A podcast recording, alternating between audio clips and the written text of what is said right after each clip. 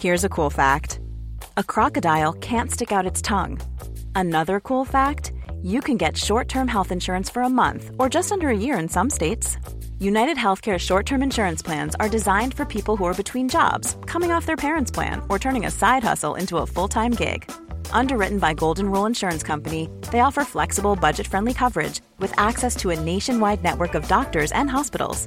Get more cool facts about United Healthcare short term plans at uh1.com. Hej och välkomna till Långloppspodden. Tusen tack Alex. Vilket eh, avsnitt vi har framför oss. Ja, det här blev ju... Det blev ju någonting som vi inte riktigt har provat på tidigare, men... Eh, det blir superspännande. Vi ska ju få träffa eh, Andreas Svensson och lära känna han under en, en ganska lång stund här. Ja, du var ju lite på där och hörde om han ville... Ja, snacka hela avsnittet med oss och det ville han. Så det här blev ju något eh, alldeles extra. Så det här hoppas vi verkligen ni ska tycka är intressant och eh, han har ju väldigt eh, många bra kommentarer och väldigt kunnig kring eh, alla skidåkare skulle jag säga. Ja, och väldigt kloka funderingar och analyser. Ja, men en, en, en otrolig person och... Ja, vi hade ju en och en halv timme där vi satt och surrade och... Ja, men jag känner att han, Andreas, han är... Han har en otrolig analytisk förmåga och han bjuder verkligen på sig själv. Jag tror att det här kommer bli mycket uppskattat bland lyssnarna. Ja men det tror jag med. Det är ju allt från eh, SM-loppet till eh, hur han eh, hamnar i långlopp. Eh, till eh, gaming. Det är allt möjligt. Ja, högt och lågt. Ja, mycket högt måste jag säga. Och vi snackar ju även upp eh, nästa helgs eh, lopp i Orsa Krönkligt. Och... Ja, men som ni hör så är, är jag lite förkyld och Andreas var lite förkyld så att vi... vi eh, det blev en bra stund. Så eh, luta er tillbaka och lyssna på årets eh, gigant i eh, The Originals, Svenska långloppscupen. Ja men eh, vi kör väl igång då Alex. Det gör vi. Här kommer Andreas Svensson. Och då välkomnar vi Andreas Svensson till eh, podden. Tjena! Kul att vara här. Kul att du vill vara här. Det blir spännande. Ja men det tycker vi också. Vi har ju följt dig hela vintern nu eh, under Original så eh, det har ju gått bra kan man ju säga. Så vi tänkte att eh, superkul att kunna plocka in det här inför, vi har ju bara två tävlingar kvar så det, det blir ju riktigt eh, kul tycker vi. Ja, precis. Ja men vi har ju gått och sneglat. Det har ju varit ett namn som vi har haft högst upp på listan länge och så nu... Nu känner vi med fyra segrar, nu är det verkligen dags. Så, ja, men jag, jag, är, jag är supertaggad Alex. Men ska vi börja från början och bara fråga eh, ganska öppet, vem är du? Ja, eh, Andreas Svensson heter jag som sagt var då. Eh, kommer från Ulricehamn. Och skidor hela livet.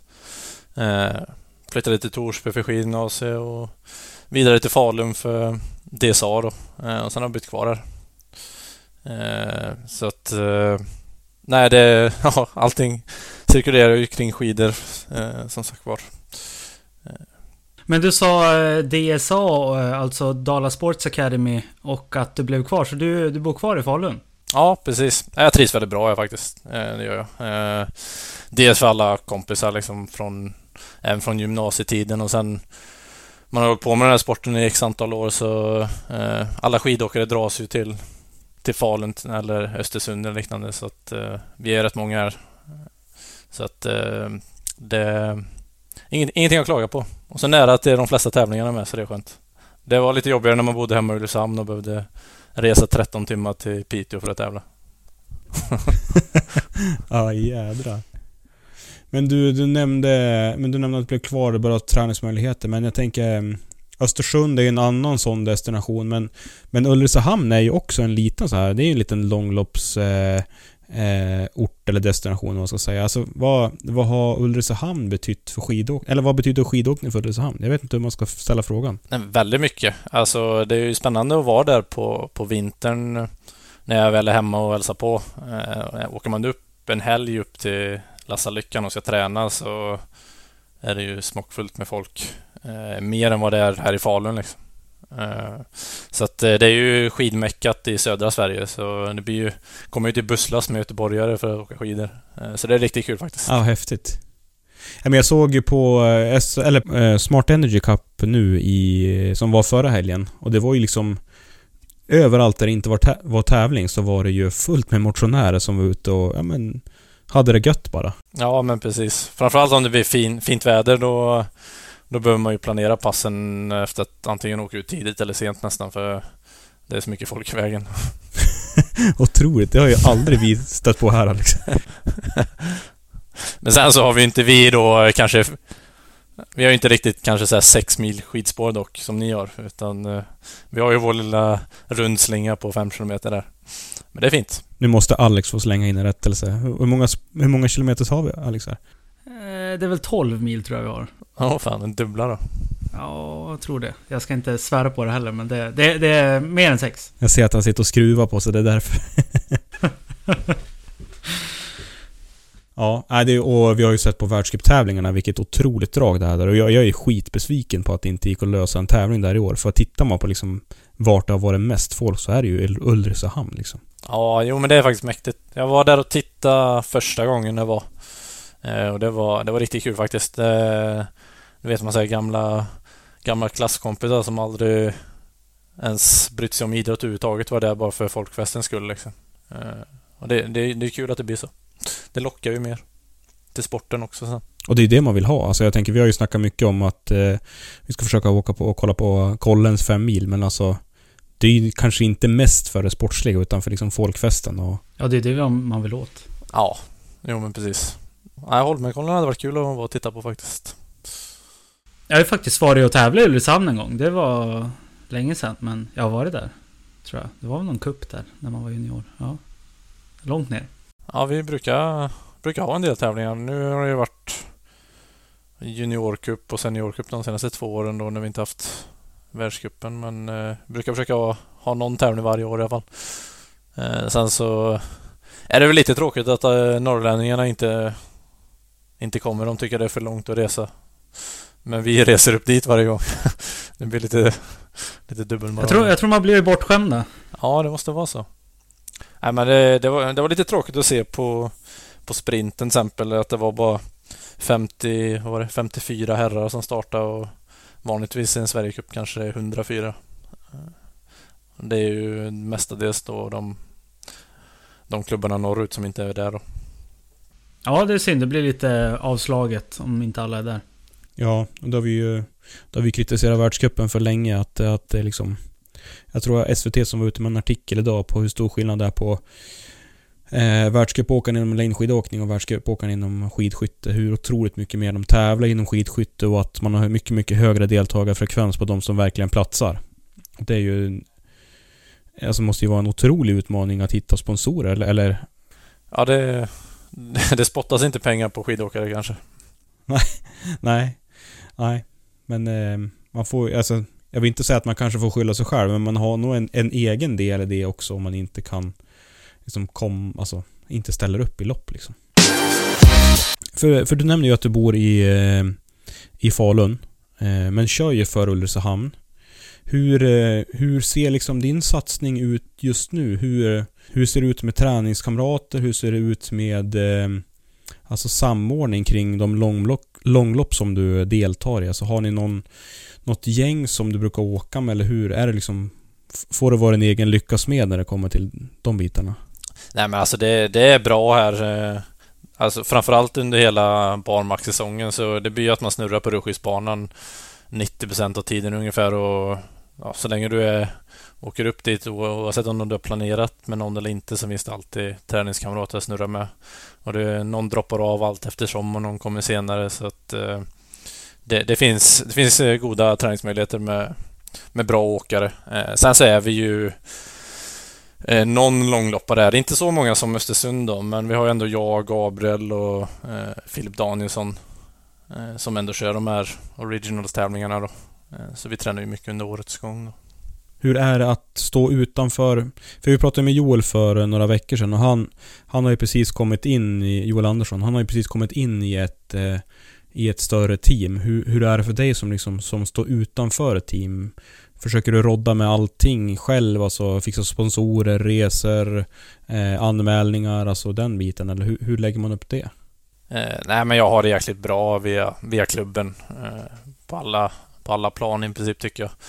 Eh, så det enda är väl kanske att man saknar den här riktiga spetsen på, på typ skitesten inför Vasan. Men eh, när det blir de här originalsloppen så är det ändå ibland ställer jag mig och vallar helt själv ändå. Eh, ett par testar ingenting. Jag vet, ja de här funkar, de här skidorna. Det är inte så himla noga. Men just inför då, typ Vasan och där, då, eh, då brukar man vilja ha lite mer koll på saker och ting. Eh, och då ligger man ju efter de bästa teamen som säger som är uppe och testar på natten. Och jag har ju märkt det de åren när det har varit nysnö till exempel, när man har bara fått chansa och vissa gånger har det funkat och vissa gånger har det inte.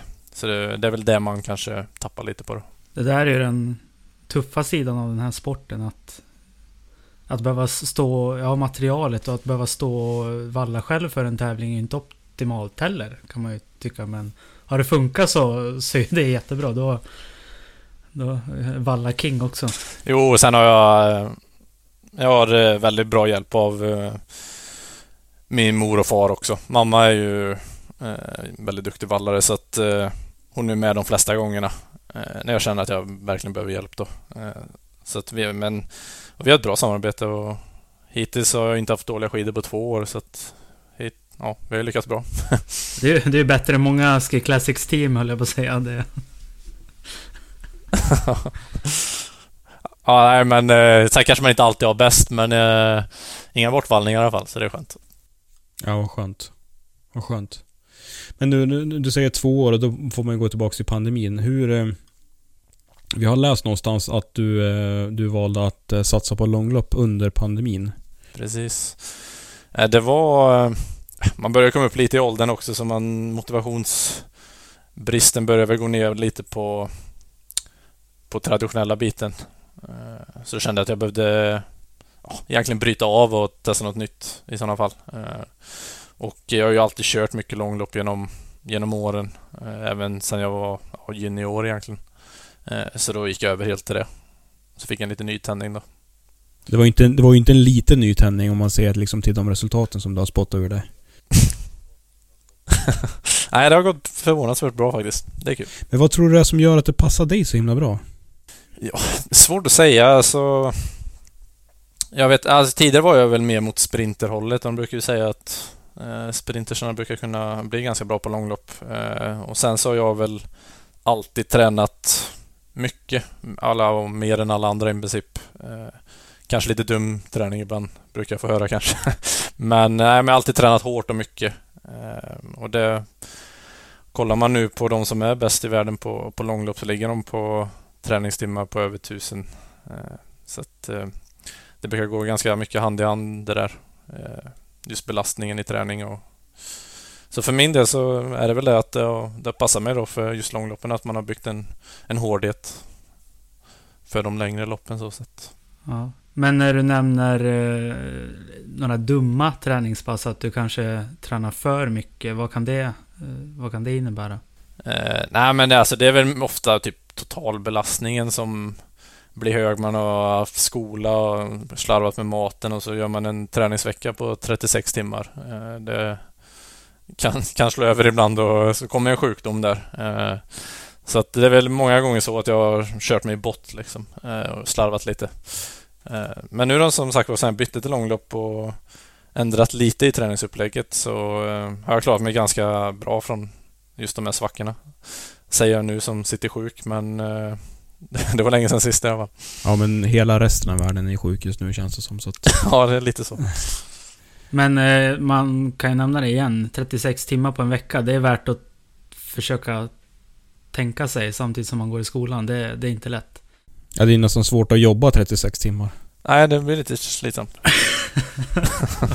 Precis. Eh, sen var det inte alla veckor så, men det det kunde bli några extrem, extrema dagar och veckor ibland. Eh, men alltså skulle man bara sköta allting runt omkring liksom, så, så går det ju att göra det. Eh, för vissa individer i alla fall. Men ofta blir det ju att totalbelastningen blir, blir för hög. Då. Men du pratade då om att du gick i skolan samtidigt och tränar mycket. Hur, eh, hur gör du nu? Är det 100% längdskidor eller jobbar du på sidan? nu, på, nu i vinter så kör 100% eh, skidor. Eh, sen brukar jag försöka jobba under ja, träningsåret så att säga. Jobba eller plugga då. Eh, men nu, nu kan man ändå dra in lite pengar på, på långloppen. Men det dras inte in så mycket prispengar under träningsåret så att säga. Så då får man hitta andra medel. Men du, vi pratade om, om träningstimmar där, 36 stycken. Men hur, hur många ligger du på just nu ungefär tror du? Jag har trappat ner ganska mycket nu de senaste... Alla började trappa ner lite förra året eh, och så lite mer i år också. Eh, kört lite mer specifika pass istället med styrka och sånt. Eh, men jag ska väl nog traska strax över kanske runt 800 ungefär. Eh, tidigare har jag legat på typ 950 så jag har ändå gått ner ganska många timmar. Men sen är det ju fortfarande en hög mängd, absolut. Mm, jo. Jag tyckte det var intressant, eh, Linn Samskar sa i en intervju här för några veckor sedan under, under SM-veckan att hon hade halverat sin träning och ändå kände sig i riktigt bra form. Så att... Ja, men det, det är lite intressant det där. Man, eh, ofta kanske man bara gräver ner sig själv lite väl mycket. Det kan man ju märka ibland efter man har haft viloperioden eh, på våren och knappt rört på sig och så går man och persar på en mil löpning liksom. Borde inte kunna vara möjligt men bara genom att vara pigg liksom så så kan man göra bra resultat ändå. Jag tycker Gabriel Thorn är ett, eh, ett tydligt exempel på det i år. Han har ju kört riktigt bra också. Han eh, har ju precis blivit farsa och knappt tränat någonting men kan ändå hävda sig bra. Ja, han är riktigt imponerande. Jag frågade han i Orsa och han låg ju mellan en och tio timmar i veckan sa han. Så det var... ja, precis. Det kan pendla mycket faktiskt. Men ska vi kolla lite framåt? Eh, framåt bara. Eh, på Original så... Eh, vi har ju Grönklitt Classic eh, i helgen, men du sitter ju förkyld just nu. Eh, hur mår du? Eh, ja, ingen höjdare. Det är lite, lite frossa och eh, hosta och så vidare. Lite feber på det. Eh, så det är väl ingen, inte optimalt så här mitt i säsong och ändå ett av huvudmålen med vintern med tävlingarna i Orsa här nu. Eh, så det blir lite tråkigt att bomma dem då. Men får vi ladda om inför, inför Vasan som ändå är det absolut största målet. Ja, det är ju några veckor kvar dit så du hinner ju ladda om dit. Ja, ja tur det. Kanske får köra en Gabriel Thorn-vecka eller två stycken Gabriel Thorn-veckor innan. ja, precis. En och en halv timme. ja. Ja men det är, det är imponerande. Alltså man, man skämtar ju såklart mycket om att vila sig i form. Men det, det, det, det ligger en hel del i det. Alltså om man, om man ska liksom plocka bort den, den komiska biten i det. Ja, absolut. Nej, det, träningen bryter ju bara ner liksom, eh, brukar de ju säga. Men sen behöver man ju träna också för att sen kunna bygga upp igen. Men eh, man ska hitta en bra balans däremellan. Men då blir det inget Orsa i helgen. Och då har vi ju bara en tävling kvar i eh, Originals. Och det är ju Lofsdalen, Epic. Hur ser du på det och eh, totalen där? Du har ju Adrian Lundberg bakom dig där. Eh, han är eh, 90 poäng bakom. Det, det känns ganska betryggande eh, så länge jag inte blir sjuk till Lofsdalen också. Eh, skulle jag dock bli det, då känns det lite, lite risigt eh, med tanke på att man missar nu i helgen. Men det var, det var ändå skönt att få ta fyra raka för att ja, det räcker att ställa upp i nästa lopp nästan så, så är det säkrat i princip. Så nej, vi får hoppas på att man håller sig frisk inför, inför Lofsdalen då. För visst fick man eh, räkna bort ett resultat va? Ja, exakt. Så det, är skönt. Det, det vart ju lite eh, eh, lite drygt förra året eh, när man inte fick räkna bort. Och så bröt jag ju staven på första loppet och fick inga poäng där. Och sen även om jag skulle vunnit resten av loppen så fanns det ingen möjlighet att liksom ta hem totalen. Så det vart ju lite konstigt där. Så då ändrade ju Holmström så att det blev att man fick räkna bort ett i alla fall. Så det var ju bra det. Ja, det tycker jag låter rimligt. Alltså vi, har ju, vi pratar ju mycket om skidskyttarna tagit bort den regeln till i år och eh, ja, det är ju inte alla som är nöjd med det. Jag vet Denise Herman argumenterar ju för att eh, det är ju dumt att ta bort poäng som man redan har vunnit men Samtidigt så måste ju... Ja. Sett över säsongen så tycker jag att det är mer rättvist att man får plocka bort en tävling. Ja, alltså det, det är ju ganska mycket tillfälligheter i, i skidsporten med, säg både vallning, eh, material som kan gå sönder eller sjukdom eller liknande. Så det är tråkigt om vi ska hänga på, på en sån grej. Mm. Alltså jag tänker, om, om totalen hade hängt på det här och det står en hel del tusenlappar i potten liksom. Skulle man ha, skulle du ha övervägt och åkt sjuk liksom? Nej, det hade jag nog inte. Eh, det är ju bara, bara korkat. Men sen hade jag väl kanske sagt att jag skulle bli frisk på, på fredagen och kan ändå ta mig i mål så kanske man hade chans att starta för att få in några poäng. Eh, men eh, nu behöver jag inte göra det utan kan liksom vara smart och se framåt och fokusera på Vasan istället. Istället för att vara dumdristig. Det går ju att få bakslag och så vidare. Så. För, för Vasan är ett annat stort mål den här säsongen eller? Ja, det är ju alltid, alltid största målet. Det vet jag även när jag höll på med tradd så var det ändå Vasan som var det största. Det, det blir det. Det är ju världens största skidlopp och folkfesten där är ju bra mycket större än vad det är på, på SM och andra Sverigecuper och så vidare. Eh, så att det, det är alltid en höjdpunkt på året. Nej men eh, vi, vi har ju liksom eh, beundrats utav dig hela den här säsongen och ja men fyra raka vinster och ja, men jag pratade med Martin Holmstrand här för en stund sedan och han sa att ja, men nu i helgen Andreas var ett monster där ute. Vi, alltså vi vet ju att du, du gjorde lite inhopp i Ski Classics i fjol. Men, men jag tänker, jag vill fråga dig liksom, hur ser du på, på framtiden och vad är liksom nästa steg i din karriär? Eh, nej men som jag sa till, till tidningen eh, hemma vid häromdagen. Eh, så jag kör ett år i taget nu. Eh, och jag tycker det funkar, funkar bra sätt, så sätt. Eh, man ska tycka det är kul också. Skulle jag en dag bestämma mig för att det är inte roligt längre då då vill jag inte känna någon press att åka, så nu kör jag liksom ett år i taget. Och så länge det går bra och jag tycker det är kul så mm. håller jag på. Ja, men för vi, vi, vi ställde ju en fråga på Instagram här i, igår och då har vi fått en fråga som har återkommit otroligt mycket. Så det, det är väldigt många som har ställt den här frågan. Hilda Löven bland annat. Eh, Simlund 0219. Eh, Mikko Salomäki. Eh, bland annat för att nämna några. Men alla undrar liksom om, om du har fått eh, påhälsning från något team eh, i, i Ski Classics. Ja det, ja, det är många som kommer och frågar mig det med faktiskt. Men eh, nej, jag har inte fått några några förslag så att säga. Det här, alltså det här måste du göra till en kontaktannons känner jag. ja, jag fick ju köra lite med E7 förra året, men i år eh, kör jag all out med, med klubben ändå. Så sett. Och sen så får man väl ta det efter säsongen kanske att eh, försöka ja, höra av sig eller kolla om det finns någon, någon plats ledig i något av de större teamen så sett. Men eh, resten av säsongen nu kör jag för, för UF.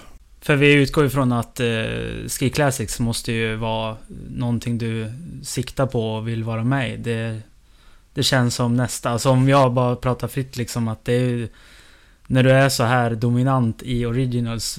Vi vill ju se dig på Ski Classics för att kunna se hur du mäter dig med dem som åker där. Du spurtade väl ner någon, eh, vem var det nu då? Ja, Eklöf i eh, Eklöf. Ja, Precis, nej men det, det, är klart man vill alltid möta, möta de som är bäst för att se hur man lägger till och det är det man utvecklas av också. Eh, sen så är det väl inte, inte jätteroligt om man kanske inte riktigt är där formmässigt att ge sig ut på Ski Classic och åka in på en 40 plats. Man vill ju alltid vara med och tampas i, i täten även om det innebär en 20 en 10 eller en femte plats. Man vill ändå känna att man har där att göra. Eh, så, men med den form jag haft hittills i år så tycker jag ändå att jag borde kunna hävda mig ganska bra i alla fall. Ja men det tycker jag var ett jätteintressant resonemang. Alltså den har man ju känt själv någon gång. Man, ja, men jag började lära mig åka slalom för några år sedan. Och då har man min sambo och många av hennes, eh, hennes vänner är liksom eh, elit, liksom superduktiga. Alltså jag lärde mig ingenting av dem. Eh, jag hade liksom ingen utmaning. Det var ju bara så åk ni så kommer jag sen ungefär. Och så sen lärde jag känna ett par andra som hade åkt lite grann, lite mer än mig som var lite, lite bättre än mig. Eller de var ju de var ju betydligt bättre än mig, men det var liksom inte superstor skillnad. Och av dem kunde man ju lära sig mycket mer som man fick hänga på. Du tänker steg för steg? Det är väldigt bra att ha någon som är lite bättre än en eh, att sparra mot hela tiden. För mig var det en ganska avgörande del när jag gick i gymnasiet och flyttade hem och bodde i Ulricehamn i lite över ett år. Eh, och jag skulle börja träna med Mackan. Mackan 90 lagen 57. Då fick man ju ta någon dag i taget och så fick man ligga död på soffan i några dagar och sen så fick man ta något pass med en igen och så märkte man ju till slut så körde man varje pass tillsammans och man matchades liksom så man, man tar ju hela tiden små steg och man får ja, träna med folk som är bättre än en själv. Så mycket att tacka, för, tacka Marcus för. Ja, han är också en, en grym skidåkare. Grym långloppsåkare. Ja men vad bra, vad intressant. Vilken superkul. Bra svar. Ja, då har vi bara de där två roliga frågorna kvar här i det här segmentet va Max? Eller vad tror vi? De, de får du ta. Och jag, jag minns ju från för några år sedan att du har ju åkt för ett team tidigare. Eh, team Triceps. Vad, vad har hänt med dem? ja, just det. Eh, det. det. ligger på is eh, för tillfället. Eh, Pontus Hermansson däremot säger att han ska köra i tricepsdräkten på, på Vasan, så vi får väl se. Var det huvudsponsor som drogs ur eller? Eh, det var... Jag vet inte, det var väl mer... Eh, kanske inte orkar lägga tid på det. Men vi har sagt det också, när, när alla, alla fyra deltagare har lagt av då, då ska vi ställa upp i Vasan allihopa samtidigt för Team Triceps. Så det, det är inte dött än i alla fall. Det kommer tillbaka. men, men, bara för att åt, återgå till Vasan, vad har du för förväntning på din, på din prestation i Vasan? Har du något spe, specifikt mål som du vill dela med dig av? Eller? Nej, I år har jag faktiskt inga, eh, vad ska man säga, målsättningar i placeringsmässigt så sätt. Man vill ju alltid åka bättre än man har gjort tidigare. Eh, och jag har en 22 plats sen, sen 2017 är det väl. Eh, så det hade ju absolut varit jätteroligt men eh, det, det, är så mycket tillfälligheter på vad som tycker jag om eh, man har dagsformen eller skidorna och så vidare. Eh, så jag känner bara att det ska bli, det ska bli kul och spännande att köra och så får man ju hoppas att eh, det går riktigt bra då. Men det, det, kan ju svänga liksom på 30 placeringar på bara på dagsformen sådär. Men nej, topp 20 hade varit riktigt kul om man har dagen då. När man har sett dig så vet man att kapaciteten finns där. ja, man får ju hoppas det i alla fall. Äh, och sen blir det, det blir lite kul och om man lyckas köra bra och så kör för, för klubben Ulricehamn då. Eh, det är kul att hävda sig mot alla teamåkare och komma där i klubb direkt. Så att eh, det vore riktigt kul om det skulle gå så pass bra. Sen eh, fick vi höra lite innan vi började här idag att eh, vi reagerade på att du hade väldigt bra ljud. Eh, och det var ju lite gamer-headset du hade. Så då måste vi fråga, vad, vad spelar du? Eh, det blir en eh, del eh, Call of Duty Warzone här nu på, på vintern med skidåkargäng så att säga. När man inte har någonting att göra mellan passen. Sen så under träningsåret, sommar och där, då blir det väl inte så mycket. Men just vintern när man inte tränar lika mycket då, då kan det slinka in någon timme lite här och där. Ja, kul. Kan du hänga ut någon du spelar med? eh, Marcus Johansson från eh, Zinkgruvan eh, tävlar för Offerdal. Han kör jag rätt mycket med. Och sen eh, Pontus Hermansson då som har lagt av. Så vi är vår lilla, vårt lilla gäng där. Eh, och Marcus Lennartsson från, han har också lagt av nu men är från eh, Örebro sen tidigare. Så det är vårt lilla squad så att säga. Men Marcus Allén, Marcus Allén Johansson, han körde ju... Han var ju fyra på Engelbrektsloppet han. Han körde, gjorde ju riktigt bra lopp där. Ja, han körde riktigt fint faktiskt och tog hem spurtpriset där också. Eh, så att det gav ju förhoppningsvis lite blodad tand. Man var lite trött efteråt sa han. Vi var ju lite inne på, på Engelbrektsloppet. Jag tänkte vi skulle försöka göra en, en segway över till eh, Bessemerloppet. Det senaste loppet eh, här i, i Originals. Och det, ja men det, det vet ju alla att det gick ju väldigt bra och ja men E, e, enligt utsago från tävlingsgeneralen själv så var du ett monster där ute. Eh, vi, har, vi har hört att du drog ifrån jättetidigt, men skulle du kunna berätta lite grann om loppet och, och, och ja, men din upplevelse av loppet? Eh, jo, nej, det, var, det var jobbigt från start till mål, men det får jag väl skylla mig själv för eh, om jag kör hårt från start. Liksom. Men, eh, nej, men det, det, blir ofta på de här svenska långloppen att det blir lite ja, lite lugnare första milen och kanske några små ryck. Men eh, framförallt så blir det ja, ganska många partier som blir väldigt lugna. Eh, och sen så kommer man till Ski Classic-loppen. Det fick jag ju verkligen känna på förra året då när det går all in från start till mål.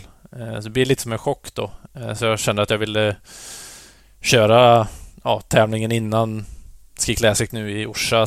Bara gå från start och så får det bära eller brista, men ändå att man vänjer kroppen vid, vid det istället för att åka två mil och bli varm och sen så börja köra. Eh, så att jag tänkte jag kör från start så jag ska man säga, jag körde en sprintprolog första kilometern och fick en lucka och sen så Bara körde jag på. Alla runt om måste ha varit väldigt eh, glada, tänker jag. De bara, vad fan gör han nu? Nej men det, det gick ju vägen men det var... Ja, det var jobbigt faktiskt. Det, det var ju liksom, man fick ju inte riktigt någon vila. Det är en ganska platt bana där. Eh, så det var, var ju att ligga på hela tiden. Men det var ändå skönt att man kände att man drog ifrån vid varje mellantid i alla fall. Att de inte närmade sig bakom så. Eh, så det var ändå ganska betryggande så att säga. För det, ursprungligen är det en typ en 17 km bana tror jag som man ska köra tre varv på. Men, men man kortar ner det till en milbana va? På grund av snöbrist. Ja, exakt. De senaste två åren har det varit eh, den här milbanan då. Sen när jag körde för kanske fyra år sedan, då var det väl den här längre. Men det var... Det är inte ofta de har det. Eh, snötillgången är ju inte bäst där borta så att säga. Nej.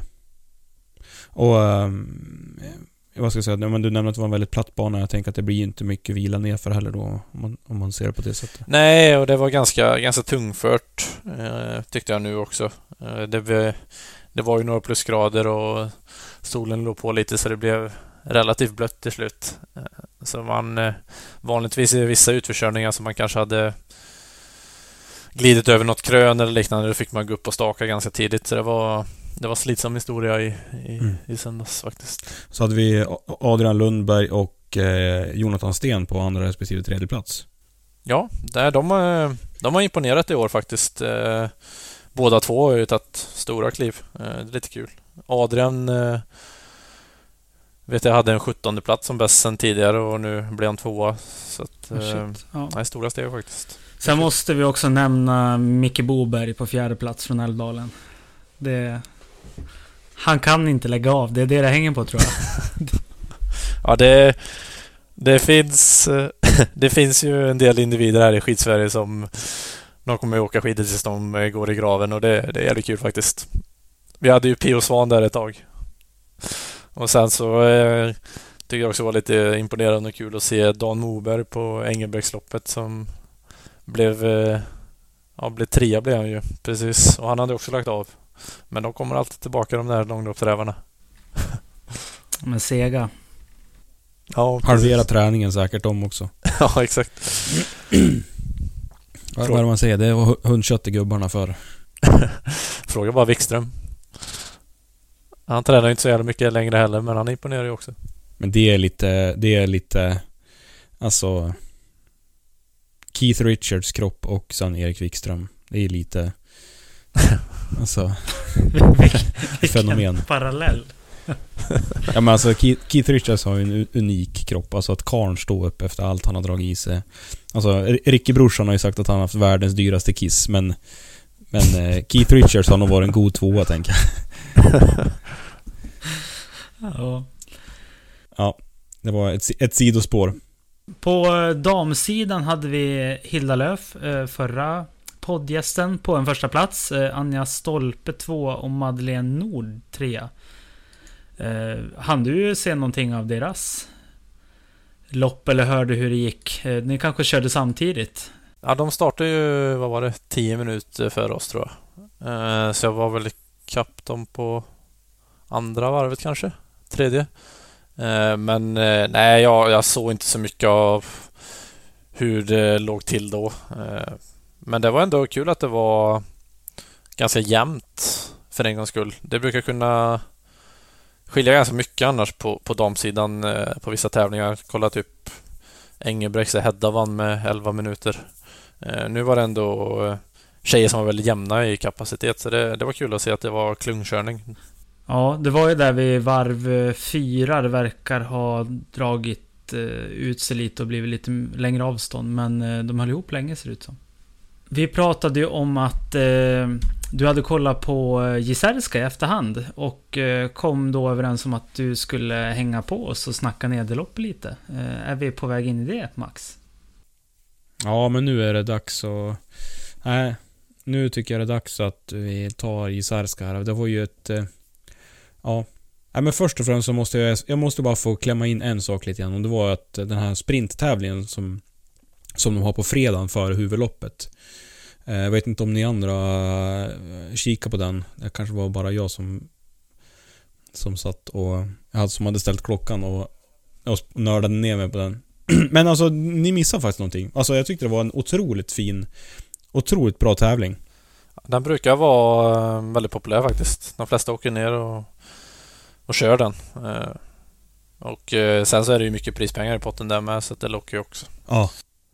Alltså det var ju 4000 euro i prispengar. Alltså 4000 till bästa herre och 4000 till bästa dam.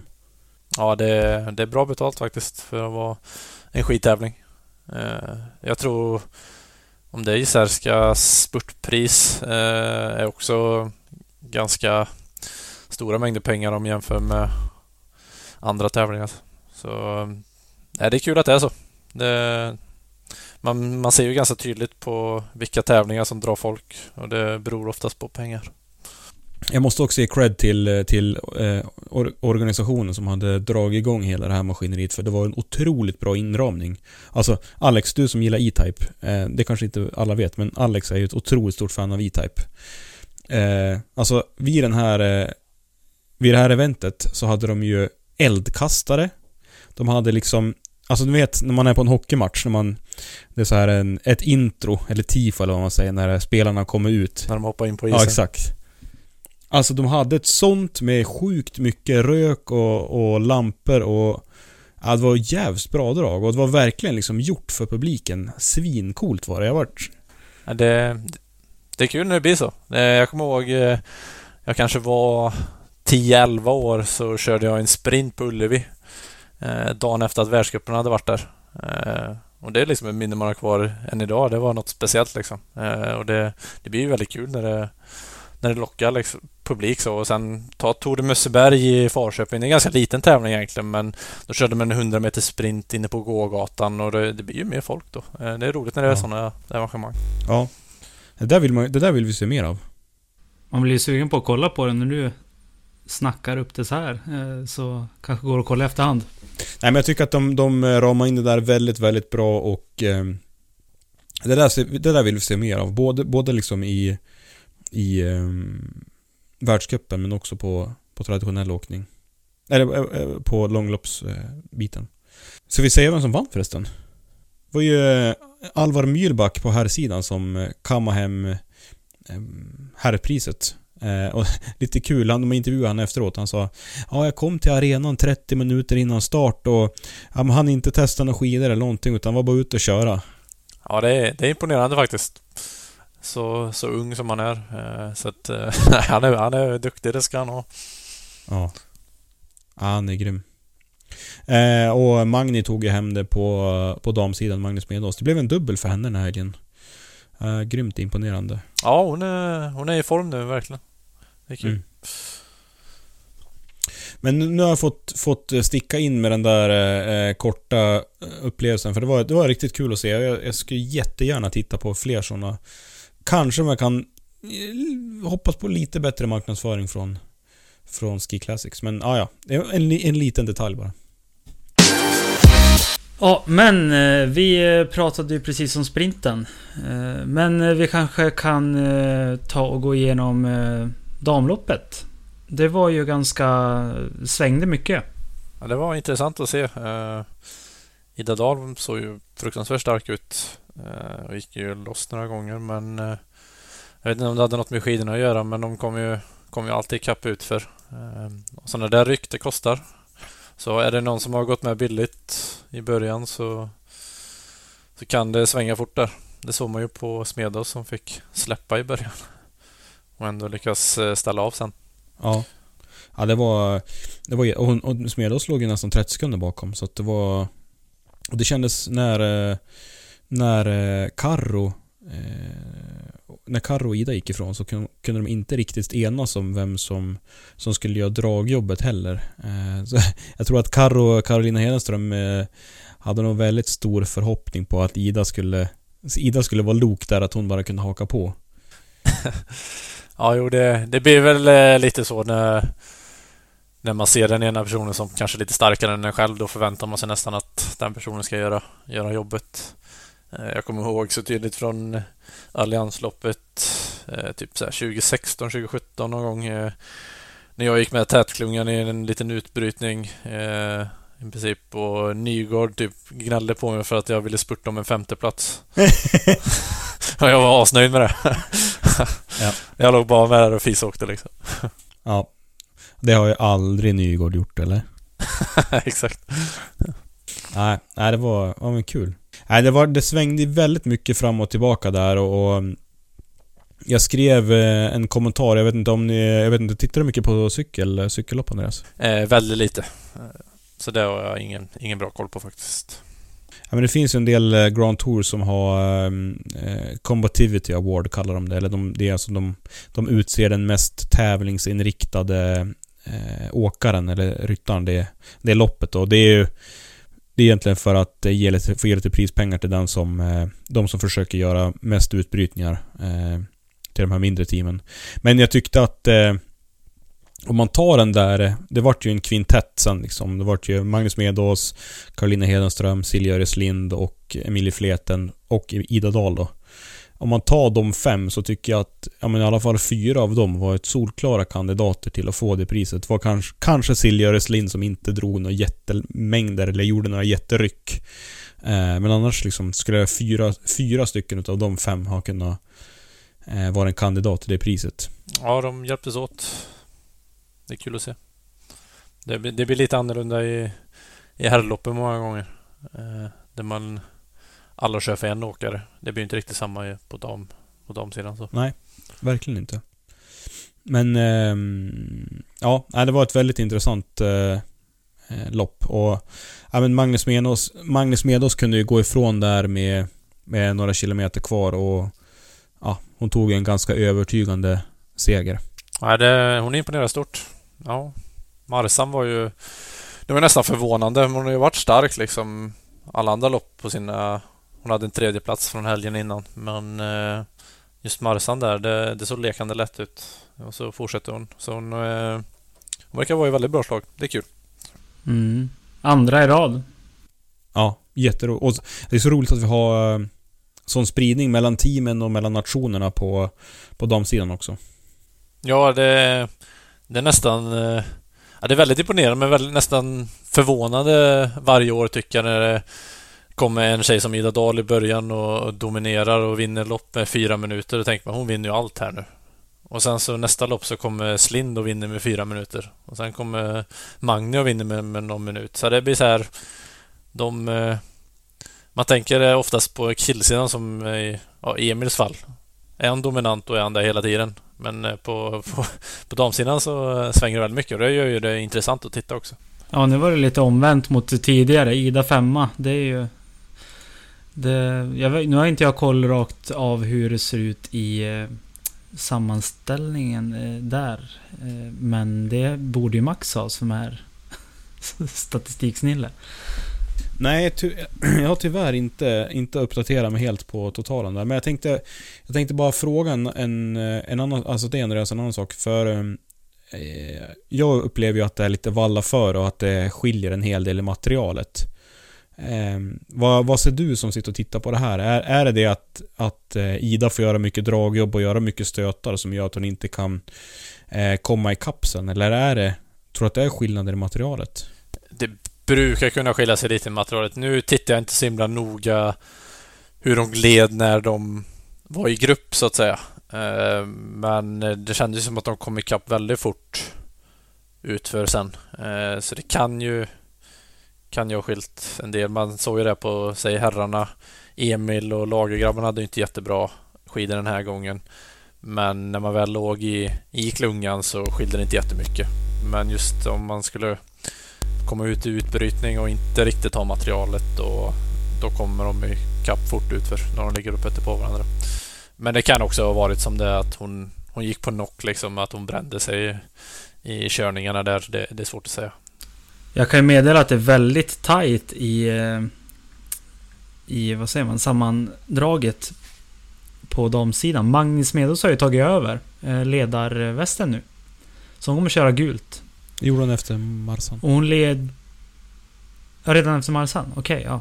Det registrerade inte jag sist. Men eh, de delar ut 300 poäng på de här Grand eh, loppen. Eh, så nu har det varit ganska mycket poäng senaste två loppen. Eh, för Ida Dahl ligger inte alls... Eh, Ida Dahl ligger inte alls långt efter och så har vi Jenny Larsson på en tredje plats. Eh, och ja, ju- skiljer inte ens 300 poäng de, de tre emellan. Så det, det skulle jag ändå se som ganska öppet. Ja, det är, det är en del tävlingar kvar också så kan hända mycket. Ja, ja, vi har ju Carolina Hedenström på femte plats också. Så vi har ju tre, tre svenska damer topp fem. Det är ju jätte... Superimponerande. Mm, hade du några mer spaningar under loppet, Max? Nej, inte damernas lopp. Jag, alltså, jag, alltså, Ida Dahl och Emilie Fleten gick ju in samtidigt och jag tyckte att att eh, Ida Dahl åker fram, eh, jag måste bara säga det, för Ida, Ida Dahl åker fram för att tacka eh, Emilia Fleten efter loppet. Ja, så är det. Och det så... Ja. Såg du det? Alltså hon var så himla besviken Fleten. Hon bara gav världens mördarblick till Dahl och så sen bara... Nej. Nej, det, det kan vara lite känslor i målfållan. Det var ju... Om ni, om ni la fokus på det på herrloppet så var det ju lite bråk och gruff mellan Cardin och Novak i målfållan också. Det var ju lite hockeytackling där. Kan ju lova att Max har skrivit till Max Novak bara för att höra om de är kompisar igen. Men jag, jag är precis inne och ska kolla om jag har fått något svar, men... Nej, dåligt Max. Han har inte svarat. Nej, vi hoppas att han har varit och åkt runt Storsjön eller någonting så att det är därför. Nej men eh, alltså vi... Jag, jag såg det också. Alltså, först och främst måste man ju säga att Cardin kliver ju över bindningen på Novak. Det är ju liksom inte att han touchar skidspetsen utan han är ju verkligen uppe på bindningen nästan. Eh, oskönt som tusan eftersom att Novak har fått Ja men ganska själv, precis som Novak och, och Emil Persson fick göra fjol några gånger så fick ju de täta Ja men när andra lag, till exempel Ragde då, eh, kör, kör sin lagkörning. Ja, Vasan var ju extremt Ja, Exakt. förra året. Exakt. Så att Novak har ju gjort jäkligt mycket jobb och fightas mot Kardin hela tiden och så gör Kardin det här. Det är förmodligen inte medvetet från Oskar, Oskar sida men ja, jag förstår att han blir irriterad. Nej, det, det är ju i stridens hetta. Karin är en eh, jävla trevlig, trevlig grabb så att... eh, nej. Men i stridens hetta som sagt var då, då tar man ju för sig. Det ser man ju även om man kollar sprinterna i, i världscupen och där. Det, för en annan kan man se det som fulspel men det, det är bara så det är i, under loppets gång liksom. Man måste ta för sig för att vinna. Och ska vi lägga det mot, eh, om eh, några av de här inte var så glada på varandra i mål, så kan man ju säga att eh, Smedås och eh, Carolina Hedenström eh, kramades om och eh, största leendet den där dagen var nog på Karo. Eh, riktigt kul för henne att hon kom tvåa. Ja, det var riktigt skoj. Ja. Man såg ju den genuina lyckan när hon gick över mållinjen. Det, det är sällan man ser någon är så glad. Så det, det var riktigt skoj att se faktiskt. Ska vi gå igenom eh, herrloppet Mm. lite mer då? Ja, nej men det, det tycker jag vi ska göra. Och, och först och främst så måste vi, vi... Vi pratade ju tidigare om de här förhållandena som var väldigt lösa och det såg ut att vara... Det såg ut att vara väldigt mycket vatten i spåren också. Eh, det gör det ju eh, ganska besvärligt. Jag såg, notera att Gärdal var ju väldigt, väldigt dimmigt. Och Gärdalen, han körde ju inte ens i sina pilotbrillor. Jag tror aldrig jag har sett karln utan glasögon, alltså på en tävling. Nej, det händer inte ofta. Nej, som zoomade in på dem där någon gång och såg man Gärdalen stå utan briller och det bara... Jag tänkte vad är det som sprutar runt omkring han? Och det är ju otroligt med lössnö alltså.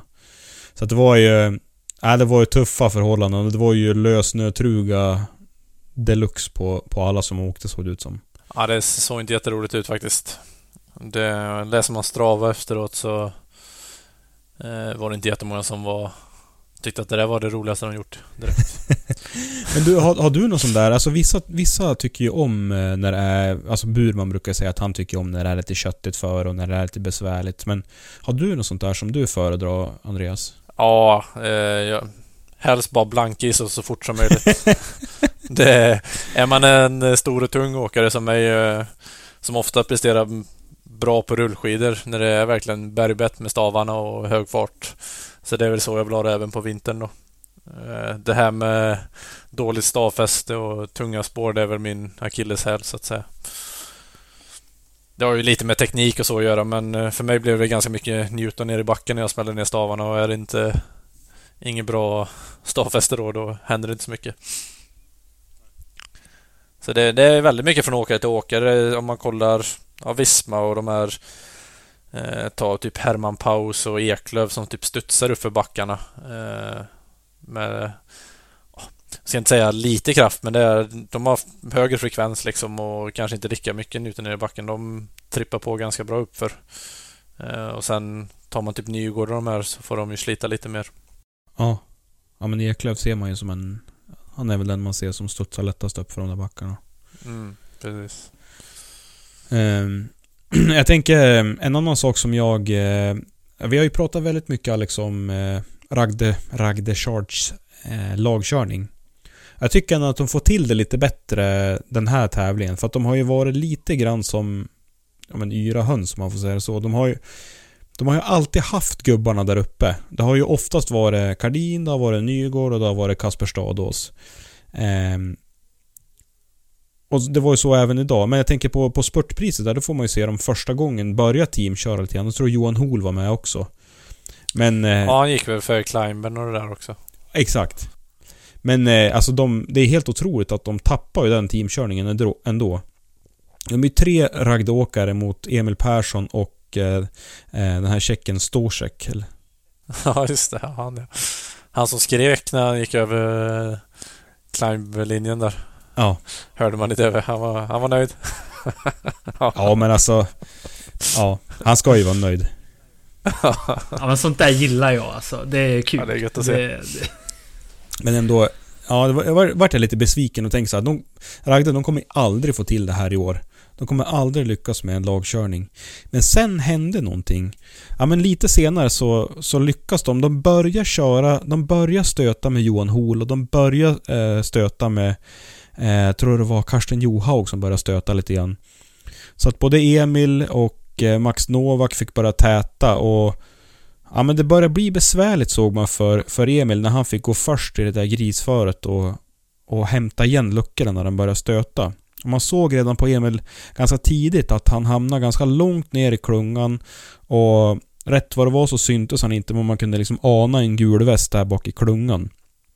Så att de började trötta ut han hyfsat tidigt efter det där spurtpriset. Ja, han fick ju täta ganska ofta och säga att han skulle ha bäst skidor i fältet en dag, då, då kan han göra det jobbet och ändå vinna sen ganska enkelt. Det har man ju sett de andra tävlingarna. Men eh, som de själva hade gått ut med att de hade minusskidor den här dagen, då, då blir det för tufft om man ska behöva göra sådana såna ryck för att täta luckor på när det blir så sånt långt lopp som det är ändå. Så då, då tär det på krafterna.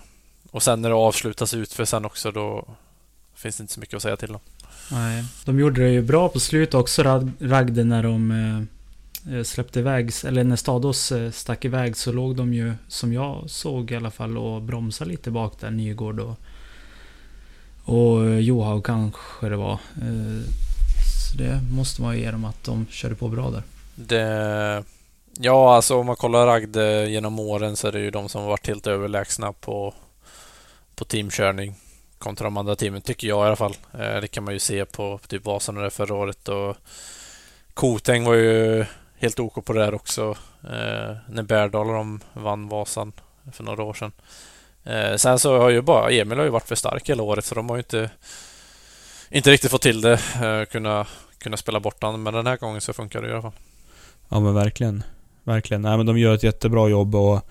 och um ja men eh, hoppet ligger ju på att, att Novak ska kunna täta där när, när Stavås har, har dragit iväg men... eh, Novak är ju helt själv. Han har ju, Sten Holgård har ju redan bränt ut sig när han, när han gick ifrån med Johan Hol och...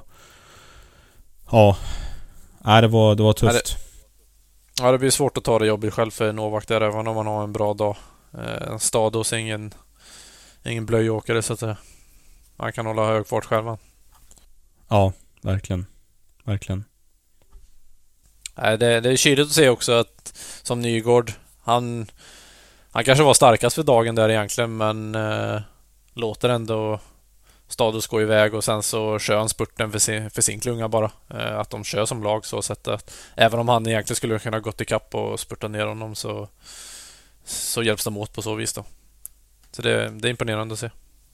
Att man inte tänker laget före jaget. Det var en skaplig spurt han hade då. Ja, precis. Det var, det var ett bra påslag där. Verkligen. Ja, det var en skaplig spurt alltså. Ja. Det, det var väl... eh, Det har han gjort flera gånger i, på Isharskan. Han kom in och... Ja, var ett upplopp före alla andra redan in i back, eh, efter backen där så... Ja, exakt. Eh, skaplig fart. Ja, när det blir den där riktigt högfartsspurten då, då är han ganska oslagbar Ja. förutom Emil då. Han vecklar ut kroppen som en... Eh, Jävla banan typ. ja, ja men han, kroppen går ju baklänges så det ser ut som... Ja, exakt. ja. Imponerande att se. Och jag skulle vilja ta upp Nortugga. Eh, nu, nu hoppade jag in lite sent i loppet måste jag säga. När det kanske var 25 km kvar. Då är det första jag hör eh, kommentatorerna säga att Åh, Nortugglingen är bra. 10 minuter senare, Nortugg är diskad. det, det är allt jag hann höra.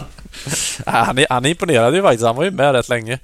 Eh, Men eh, när man ser, ser klippet, eller man såg ju det redan i TV eh, att det där såg inte jättebra ut faktiskt. Det var ganska många, många tag. De brukar ju snacka om att man ska hoppa runt i kurvorna för bara ett tag med en fot kan liksom diska en. Men det där var ju treans växel i princip. Ja. ja. Ja.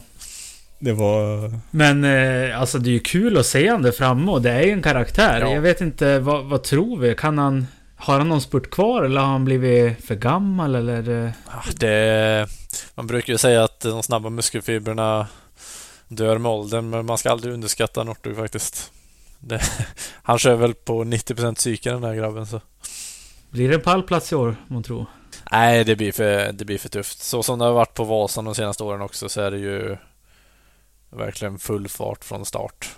Eh, och där hänger han väl kanske inte riktigt med. Nu Giselle gick ändå lite, lite lugnare ibland.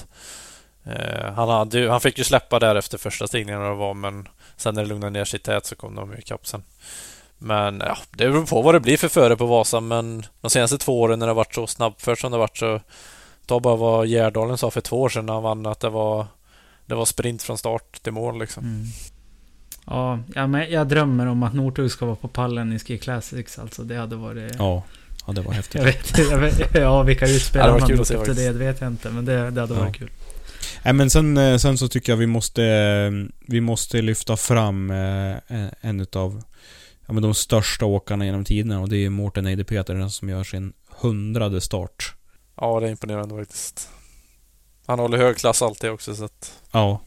ja det, vi, vi pratade ju lite grann om eh, jag, och eh, jag och Alex var ute och skidade lite grann här på, eh, ja, men kring lunch och då, då pratade vi lite grann om Anders Aukland och att han har blivit väldigt risad liksom, eller väldigt rosad i media och om att han är så pass gammal och att han ändå kör och Men han har ju haft en otroligt svängig eh, Svängiga placeringar om man ska se liksom till resultatlistan och Han har ju inte heller åkt alla lopp, eller han har ju inte heller åkt ja, men i närheten av alla lopp varje år eh, Utan satsar kanske lite mer på de stora och hans egna favoriter Men tittar man på Mårten Eide så har ju han varit så konsistent över otroligt många år. Ja, nej, han, han imponerar på det där. Och han, men han är väldigt noga också med, med att sköta allting runt omkring med. Eh, det har man märkt när vi varit på lägren tillsammans då med Eksjöhus att han Ja, har han inget att göra då sitter han och stretchar eller rullar på rulle eller eh, sådana där grejer. Så att eh, han, han tar vara på kroppen och gör man det så kan man hålla en hög nivå under en längre tid. Intressant, ja. Sen tycker jag, Alex, jag tyckte du sa någonting bra om, om Alltså inramningen på det där vart ju liksom lite plattfall när de kommer fram springandes med en champagneflaska. Så. Del, dels är det en sån här liten så här Systembolags 750 milliliter. Och eh, det är liksom ingen Formel 1-klass på den där eh, flaskan eller? Nej, det, det var nästan lite pin att se men eh, det är väl, det är väl så skidsporten är får vi säga. Ja. Ja, jo. Ja, det finns lite att jobba upp lite kvalitet på. Frågar, du- frågar en skidåkare hur de eh, ska fira efter en stor seger så är det en tårta och tidig sänggång liksom. Det, det, det är inte samma sak om du skulle intervjua en Formel 1-förare som vinner liksom. Vi, vi slår inte på så stort vanligtvis. Ja, jag tycker man ska hålla med Pichler. Eh, tonight we celebrate with alcohol. Ja, exakt. Det fina grejer. Vad var det? V- VM eller OS kanske det till och med var. Så. Nej, ibland, ibland tycker jag man får... Alltså, han tog en mun där ur den där eh, Prosecco-flaskan eller vad det var faktiskt. Så det... Det kunde han ju unna sig i alla fall. Ja, du höll på att sätta halsen då. Det, det där tyckte du var över. Det blir ingen återhämtning på det här eller? nej, nej, nej, alltså jag bira eh, alla dagar i veckan. det, det, det, det, tycker jag inte är något fel på. Det, blir lite tabu inom skidsporten att eh, eh, alkohol och dåliga matvanor och sånt inte eh, förekommer. Eh, det gör det, men det är väl mer bara att det pratas inte om. Så att säga. Ja, men jag såg eh, Jessica Diggins och eh, Rosie Brennan hade en vilodag och la ut på Instagram häromdagen att de såg, satt och tog en öl. Jag tyckte det var... Det, det livar upp lite. Nu, nu kanske de som inte har ölåldern inne som lyssnar på det här också, men jag tycker att vi... Ja. Samtidigt ska man ju inte måla upp en orealistisk bild av verkligheten heller. Nej. Jag tycker att det, jag tyckte att det friskar upp lite grann. Ja, så länge man har en bra balans däremellan och det är klart man inte tar en fylla mitt i säsong så att säga. Men eh, ett glas vin till maten det, det förekommer ju så att säga. Och det är inga konstigheter. Bara gå in i omklädningsrummet på Vasaloppet så ja, ja. kan man se en annan bärs. Precis. Ja, ja fan, eh, Vasaloppet eh, delar ju ut eh, nog för att det är 3 5 men det är ändå öl till de som går i mål. Ja, ja det är ju det eller vatten tror jag man får välja på va? ja, precis. Enkelt val. Ja. Nej men vi måste bara ta bästa svensk i, i, eh, i Särska är Max Novak. Han är på en sjätte plats och så sen kommer hans, hans baneman då för, för dagen, eh, Oskar Kardin på, på en sjunde plats då. Annars är det mycket norskt. Det är Kasper Stados, Andreas Nygård, Amund Rige, Karsten Johaug och Mikael Gunnarsen som är topp fem då. Precis. Nej, de, eh, de har ju en jäkla bredd, så är det ju. De är, de är duktiga på det i Norge. Sen är det, har vi ju tur att vi har toppåkarna där, att Emil ändå typ vinner varje tävling. Men kollar man bakåt så det är det är ju mycket norskt. Eh, de imponerar faktiskt. Ja, det är ju det är inte många svenska topp 20 eller. Det är, det är Axel Jutterström, Alfred Buskvist, Emil Persson, Oskar Karin och Max Novak. Så, och resten är väl ja. norskt i princip. Ja, det är ändå kul att se att vi har ändå ett handfull med riktigt starka åkare där uppe. Det, det är väl lite tråkigt att se i världscupen ibland när det går i Norge och 18 av 20 första åkarna är norrmän. Det är ju lite väl extremt kanske men äh, det blir ju så när de har den bredden då, då får de många åkare som är väldigt bra. Mm. Ja, det är imponerande. För då tänker jag, vi har ju snackat om Engelbrektsloppet, om Bessemerloppet och så sen måste vi bara nämna eh, Haldo Hanssons minne som Joel väljer att köra. Alltså, kan vi, kan vi ta det nu? För jag, har, jag tänker så här. Det finns ju många stora lopp som har varit. Alltså Engelbrektsloppet, Bessemerloppet. Ja, det kanske är lite längre för Joel att åka dit då, än till, till Trångsviken. Men jag tänker varför tror du han körde just det loppet. Han vann ju ganska överlägset där. Haldo Hanssons minne det är ju en, eh, ett långlopp i Trångsviken. Eh, Trång, Trångsviken det är där Trangia kommer ifrån kan man säga. 42 kilometer i ja, men Trångsviken då. Va, alltså, kan det vara för att han, han har nära dit att köra eller? För annars han är, han tar ju en väldigt över, överlägsen seger och han kanske inte får riktigt motstånd som matchar hans kapacitet. Det kan ju vara... Jag tänker att det kan vara två faktorer. Det är så här, man vill ändå tävla och få, få ett race i kroppen. Eh, och det spelar egentligen inte så stor roll hur motståndet är. Eh, det kan vara en anledning. En annan kan ju vara att det är lätta pengar. Om det är bra prispengar då. Eh, så att eh, det märkte man ju nu i, i helgen för vår del här. Besseme och Engelbrektsloppet. Det, det delar ju upp sig ganska mycket med deltagar kvaliteten beroende på prispengarna. Det var ju som som Marcus eh, ja, led och frågade om vilket jag skulle köra så han kunde välja det andra. För att ja, men det var en liksom. rimlig fundering. så att eh, det, det, kan ju också vara en del då. Det är lite tråkigt. Ja, precis. Ja, det var det kul att se dig, dig Joel och Gabriel i samma mm, lopp. Det hade kunnat vara... Det hade blivit, eh, blivit bra fart på det tror jag nog. Eh, så att, ja, det är ju tråkigt så sett, men det blir, det blir ju ofta så att folk folk väljer lopp efter pengar. Och det var ju så då som sagt Engelbrektsloppet hade ju 10 000 i prispotten och 5 i spurtpris. Och Besseme hade 5 i totalpris. Då blir det ju att många väljer att köra där det är mer pengar. Mm. Jag vill ju säkra kuppen så att eh, då körde jag ju Besseme istället. Coolt. Men de har några, några, några långlopp där uppe i, Östersundstrakten. De har alldeles in den där Jämtlandstouren där också.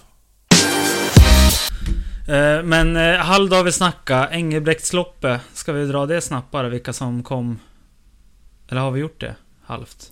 Vi har, vi, har gjort, vi har gjort det, ja. Eh, Den enda vi inte har nämnt i Engelbrektsloppet är ettan, trean, fyran. Vi måste kanske nämna Jonathan Hedby som blir tvåa då, i Engelbrektsloppet. Han körde nog sitt livslopp där, faktiskt. Han är, han är imponerande. Jag hade ju kanske inte tippat han som tvåa om jag hade tippat dagen innan jag ändå visste att Filip och Marcus och de var med så att eh, han var stark. Jag pratade lite med Gabby idag om det också. Han, eh, han blev imponerad eh, av den placeringen faktiskt. Det lär väl ha varit hans första pallplats på länge. Ska inte jinxa det men eh, den, det var stabil andraplats faktiskt. Det var bra motstånd med så att Mm. Ja, men då säger vi grattis till Jonathan Hedbys. Nästa helg, då har vi ju eh, två stycken eh, långlopp som vi, vi behöver lyfta fram.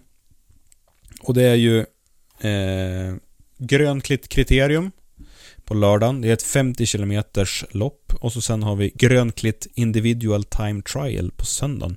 Det är alltså individuell start på 15 km. Men vi börjar i, eh, på lördagen med Grönklitt kriterium. Och kriterium det är ju ett begrepp från cykelvärlden som oftast innebär en varvbana. Men enligt säkra källor så blir inte det här en varvbana utan man kör 50 kilometer eh, på en, ja alltså i, i Grönklitt så kör man 50 kilometer på en, en bana, en rundbana. Eh, så det blir inte en varvbana där man varvar på. Mm. Och eh, om, om man tittar på banprofilen så ser det ut som att det är nästan inte en enda kvadratmeter skidspår som man inte ska åka på. Eh, om om man tittar på kartan. Ja, det snirklar sig mycket. Ja, det blir... Det är kul att de lyckas få det, men det kan ju... Det blir väl en ganska lätt banprofil då, tänker man, om de ska ut på alla myrar och de ska köra alla, alla spårsystem. Ja, kollar vi så är det ju inte mycket. Det är ju platt i mitten på hela loppet och så är det någon nedförsbacke och så är det väl lite... De ska väl upp för slalombacken kan jag tänka mig och snirkla sig upp. Vad heter det? Heter det utkiksspåret det här de har runt? Ja, men precis. Det är ju ändå ganska kuperat och tufft, men det är ju... Det är ju inte så många kilometrar och sen så är det ju ner igen till, till myrarna och det är ju där de, de flesta kilometrarna läggs antar jag. På det där loppet då. Ja, Vad heter det? Båda ni två körde ju Craft Ski Marathon. Ja, jag på skoter och... Vad vill du ta ja, Stifa vi har en stifa på eh, dryga 11. Har vi. Bra. Bra Alex. Ja, tack tack. Båda ni två körde ju eh, Craft Ski Marathon. Alex, du är förvisso på skoter, men du, du körde ju banan en gång och så körde du den på skoter också eh, och följde med täten. Ehm, och Andreas, du eh, tog ju hem hela... Ja, du tog ju hem eh, Marathon. Jag tänker, eh, det är ju otroligt mycket lopp som går i, i Grönklitt, eller Orsa Grönklitt. Ehm, känner ni igen den här banan? Är det ungefär samma, eller är det nya spår varje gång? Eh, ja, det brukar... alla de här, vad ska man säga, svenska långloppen, rent, alltså när det inte är Visma, eh, då är det ju nästan alltid samma och har varit det i flera år. Och det, det är en väldigt bra bana för, för motionärerna, men det hade ju inte gått att ta den banan och köra Visma-lopp. Det, det blir för lätt. Det märker man ju bara för oss ändå att även om du kan gå loss i backen upp mot eh, ja, Isbjörnsparken där eh, Sen så blir det 17 km platt på myrarna. Eh, och eh, det blir inte tillräckligt. Mm. Ja, det var ju stora klungor som gick där. Och ni, eh, ni hade ju varit... Hade det varit fler storåkare men så hade ni ju varit allihopa in på upploppet. Garanterat. Så att den är inte tillräckligt utslagsgivande då. Eh, Men så som de kör nu då, att de kör upp mer i utkiksspåret upp. Ja, det är ju egentligen slalombacken du tar upp då. Då blir det ändå lite mer, lite mer höjdmeter men alltså jämför du den där banan med alla andra lopp i, i Visma så eh, är det ju som dagen att de ba- alltså på TV ser de inte ut att vara så så jobbiga kanske. Det ser inte ut att vara så himla mycket uppför men eh, det är tuffa banor där Ja. om man jämför. Jag vet att eh, Martin har jobbat en hel del med den här banan. Han är ju involverad i det här ganska mycket för att det är ju både ett Originals-lopp och Ski Classics. Eh, och det har ju varit mycket med hur de ska kunna filma och sådär. Men eh, jag tror de har haft lite klur faktiskt till att få ihop det. Eh, 50 kilometer. Som förmodligen ska vara lite... Eh, vara lite kuperad också då, så att det blir lite utslagsgivande. Men vad tänker du Andreas kring, eh, kring bansträckningen? Du tror att det kommer bli en, en, en stor klungspurt eller? Ja, det tror jag. Det, alltså det blir nästan alltid en stor klungspurt i, på här sidan oavsett vad det är för bana. Eh, även när det är de riktigt tuffa. Eh, och så nu då när det blir lite lättare då, då blir det, det. Det var väl samma sak i Orsa förra året. Eh, då var det ju ett varvlopp dock, men det var storklunga då också. Sen är det väl kanske att de kan gå loss en 20-tal kanske, men jag tror inte det är någon som kommer kunna gå iväg solo i alla fall. Då ska de vara riktigt stark. Nej, nej det blir nog svårt.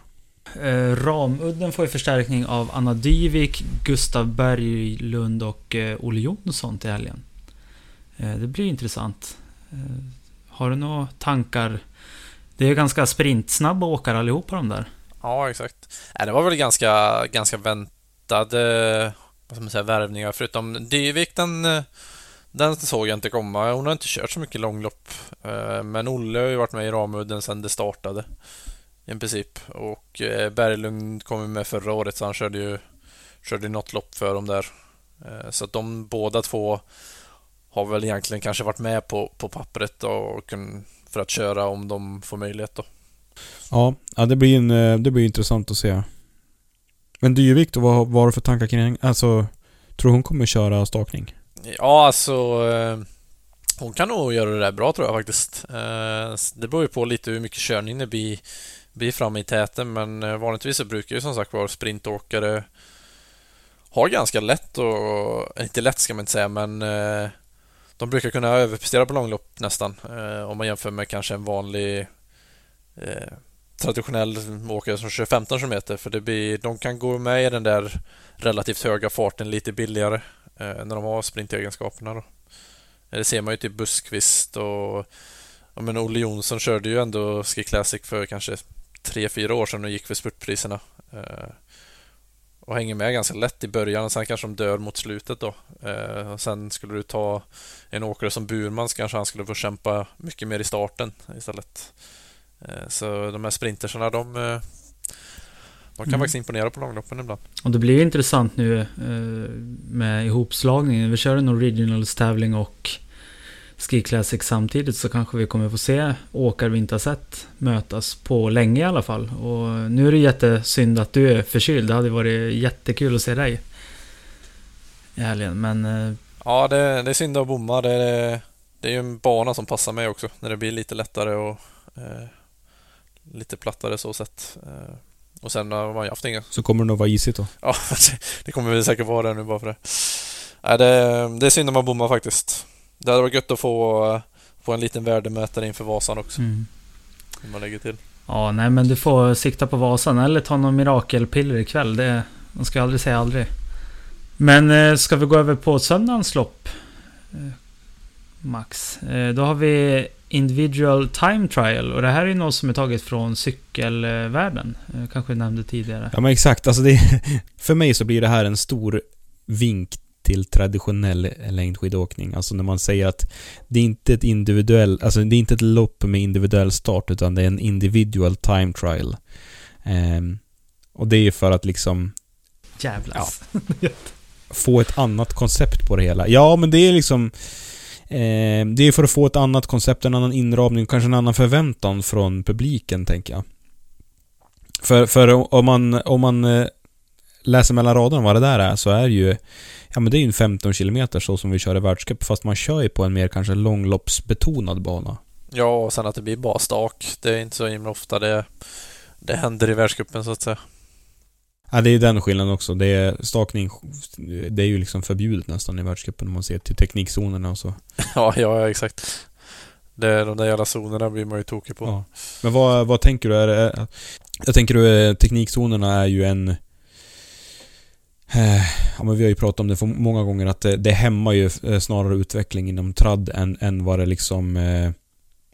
Vad det bevarar den klassiska åkningen. Alltså den klassiska åkningen kommer vi aldrig bli av med tänker jag, men... Nej, precis. Definitivt inte när det blir tuffare, tuffare banor som det läggs ibland. Då, det är klart, då kan man inte staka. Men är det en stakbana, då låt folk staka. Det tycker jag också det är lite, lite smått löjligt ibland. Eh, det klagas ju ofta från, eh, från de här åkarna som eh, eh, kanske är lite lättare och älskar att det går mycket upp för att eh, så fort det blir lite lättare bana så gnäller de som fan. Eh, Medan vi andra tunga åkare, vi gnäller inte om det blir tuffare banor. Det är väl bara bara ta det som det kommer. alltså det, ja, jag vet inte, det, har varit lite kontroversiellt där.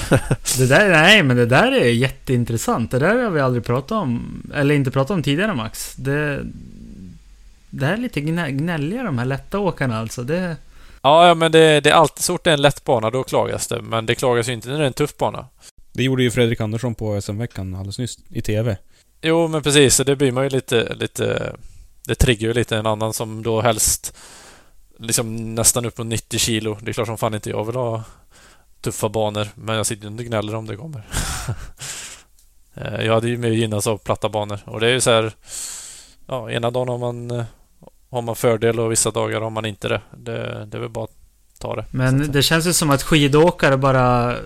De vill bara driva mjölksyra eller alltså ha puls på det viset. Det ska vara så jobbigt och jävligt som möjligt.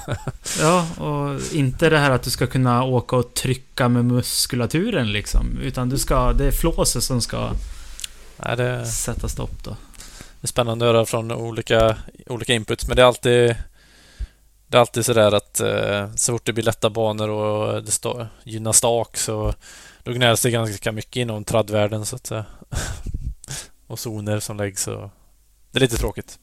Så det blir säkert jättetjatigt nu att, att jag tar och gör en liknelse till cykelsporten men eh, Alltså i, i, cykelvärlden vet man ju på förhand att men, det här är ett lopp som passar den här typen. Det här är ett lopp som passar den här typen utav ryttare.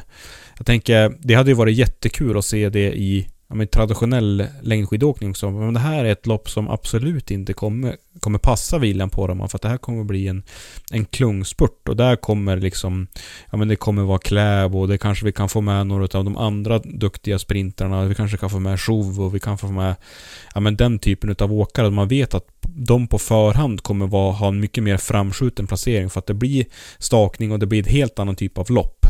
Istället för att, ja men, nu åker inte de liksom flera av de här åkarna åker ju liksom bara sprint och istället för att åka och satsa på en framskjuten placering på distansloppen också. Då. Ja, det skulle ju... Skulle man ha lite mer variation på det där så skulle det också gynna sporten kanske med att fler åkare får komma ut och tävla. Eh, till exempel i världscup och så vidare. Istället för Just att det, det blir samma, samma vissa varje gång. Samma personer. Det där har vi aldrig pratat om tidigare. det... Nej. Eh, men åter till eh, Grönklitt ITT, kanske man säger, eller ITT. Eh, eh, det startar i Fryxås. Det är den här, vad ska man säga, fäbod vet jag inte, det är hotell och grejer men Ligger fint där med utsikt över Orsasjön. Och så är målet vid toppstugan på Grönklitts slalombacke. Så det blir eh, lite branta på slutet. Ja, jag tror man tar 223 höjdmeter. Så det blir ju ändå en, en, en ordentlig stigning, men eh, ja. Ja, precis. Och sen att köra ett 15 km lopp, det, det, är en helt annan grej. Du måste ju ligga på lite, lite hårdare hela tiden. Och, så det, det blir jobbigt det med. En Stifa på 18,5. Bra Stifa. Måste jobba in det där nu. Ja. Men om jag frågar er, har ni några favoriter inför det här eh, individuell time trial? Vilka tror ni skulle kunna göra det här bra? Ja du. Det är så svårt att säga det där, men eh, Novak kör nog bra tror jag. Han brukar kunna hävda sig ganska bra på traditionella lopp också. Eh, ja. Emil ska man inte underskatta. Han har också kört bra på 15 km stak i Bruks när det har varit.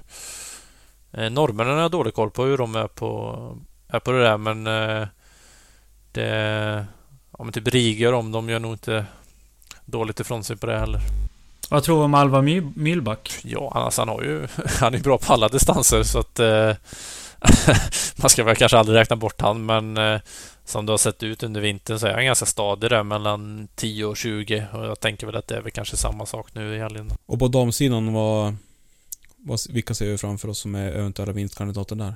Jag tror väl Magni blir farlig igen. Hon, hon kommer ju ändå ganska färskt från eh, traditionella åkningen. Eh, eftersom hon bytte till långlopp först i år liksom. Eh, så att det där med 15 km och med den formen hon har så tror jag hon kommer kunna åka riktigt starkt. Slind kan också bli farlig. Kom, kommer hon att köra, tror jag? Eller? Är det något VM? Ja, VM drar väl igång snart. Astrid körde ju inte i, i Särska, så att jag tänker att... Men, men det här är ju så pass mycket närmare också. Ja, och sen... Ja, Ida kommer säkert också kunna gå starkt. Hon visar ändå att hon har kappa nu i... I Särska liksom. Eh, att hon kunde gå ifrån i början. Eh, och nu när det blir 15 km då så kan det nog lova gott. Ja, men eh, då känner vi oss klara med Grönklitt kommande helg där och eh, innan vi avslutar det här så ska vi såklart ställa våra tre sista frågor till eh, Andreas innan vi låter dig eh, kurera lite och försöka komma, eh, komma tillbaka från sjukdom. Så jag bara drar av dem här och då är den första, vad har du helst i drickabältet? Ja du, bra fråga. Eh, det blir väl alltid kanske lite sportdryck även om man hade önskat att det var något godare där i. Har du någon favoritsmak? Eller något du absolut inte kan tänka dig att stoppa i? Ja, Jag kör på eh, Skip Hallon. Jag tycker den, den funkar bra. Eh, så att eh, den har jag kört i många år. Den var ny för mig, den måste jag testa. Nej men så undrar vi också om du har någon, någon favoritsmak på gel? Eller någon liquid? Föredrar väl alla de liquidsarna som är lite lösare. Jag kör skip även där. Den är lätt att få ner. Sen eh, har jag väl kört Ma Mortens också. Eh, Men eh, den är så den är så tjock så det är nästan som att tugga på den. Jag föredrar väl de lite, lite mer lättätna så att säga. Okej. Och sista frågan. Vem skulle, du vill, eh, vem skulle du vilja höra oss intervjua i podden? Eh, Gabriel Thorn då. Jag tycker farsan imponerar där. Vi får bjuda in farsan till ett avsnitt sen. Härligt. Det får vi fixa. Men då eh, är det inte mycket mer kvar än att säga stort tack för att du har varit med eh, och pratat ganska länge med oss nu. Och det har varit jätteintressant. Ja, tack för att ni ville ha mig. Det var kul. Ja men verkligen och eh, jag kan säga Alex, vi ringer nästa gång någon av oss är sjuk så får Andreas hoppa in. Ja, ja. ja jag kände faktiskt detsamma. Det har varit riktigt bra tankar och kunnande kring alla lopp och skidåkare och sådär. Så det, det kommer en... Jag, jag skulle säga att han dominerar inte bara originals utan han kliver in och dominerar här också. Alltså, jag sa så. Bra tugg helt enkelt. Bra tugg. Men eh, stort tack för att ha varit med och eh, tack för, för att ni har eh, lyssnat på podden. Vi ses! Hej! Eh, jag fick en bild i huvudet när du började prata drickabältet. Jag bara får fram, det är så här fjälltopphelgen när folk serverar lite diverse grejer i alla muggar där liksom. Det var något sånt jag fick. ju.